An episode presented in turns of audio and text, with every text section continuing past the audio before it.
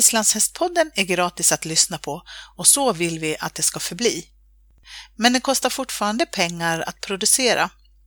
Vill du lämna ett bidrag till vårt arbete så swisha valfri summa till 123 620 4077. Kontakta oss gärna om du vill ingå ett samarbete. Tack på förhand! Hej och välkommen till Islandshästpodden. Just nu så befinner vi oss på Nordiska mästerskapen som går av stapeln på Margaretehof. Och här har det just varit ett möte med tävlingssektionens, eller på tävlingssektionens inbjudan. Så det tänkte vi berätta lite grann om. Så jag står här tillsammans med Gunilla Lindgren. Välkommen till podden Gunilla!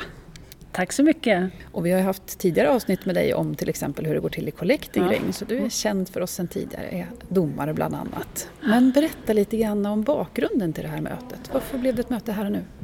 Ja, det var väl egentligen så här tänkte vi att eh, på Nordiska mästerskapen då kommer det mycket folk som är engagerade, intresserade av islandshästsporten. Och då passade vi på i tävlingssektionen och bjuda in till ett allmänt möte. Och alla var välkomna, precis alla. Vi gick ut och sa att publiken är välkommen, ryttare, domare, ja, vem som helst.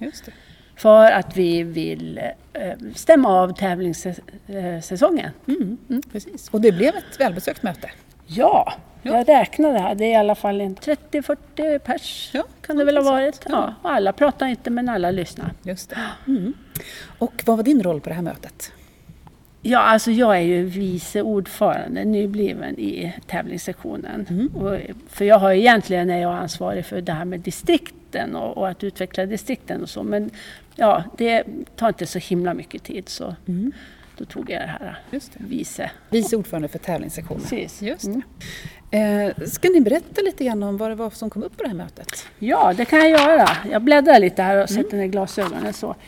Eh, vi hade fått in ett antal frågor i förväg och sen hade vi några rubriker för mötet. Och de rubrikerna som vi hade satt det var att vi ville prata om kvalsäsongen, hur det har känts för alla ryttare och alla som tävlar att ja, kvala och om det har funnits nog med tävlingar och hur kvalgränserna är satta och så. Mm. Och kval, det handlar om kval till svenska mästerskap? Till svenska mästerskap, ja precis. Och sen så pratar vi också om de svenska mästerskapen för där har vi ju sedan två år tillbaks provat ett system där vi har både det vi kallar för ettgrenar, det vill säga man rider en och en på banan. Ja, och sen det vi kallar för tvågrenar när man har grupper om tre.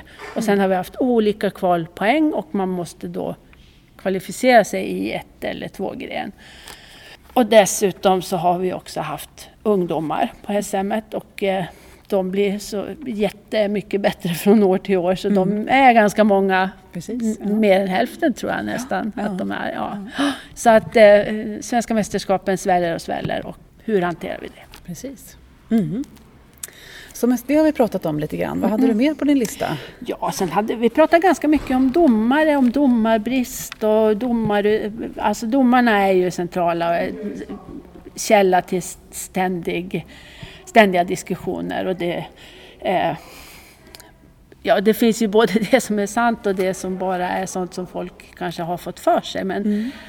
eh, det finns mycket kring domarna som, som eh, ja, man måste diskutera och domarkåren måste ta till sig och förhålla sig till och så. Mm. Så det pratar vi lite om. Och sen har vi pratat också om eh, själva tävlingssäsongen, både om inomhustävlingar och utomhustävlingar och om det ska vara separata svenska mästerskap för dem eller om mm. man ska kunna bara kvala på en inomhustävling.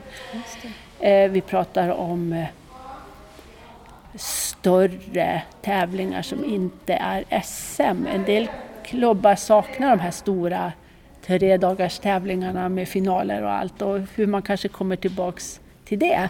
det. Lite sånt har vi pratat om varit ganska mycket diskussion det här med att många jagar poäng istället för att jaga finalplatser. Ja, precis. hur man ska få folk att tävla på. Mm.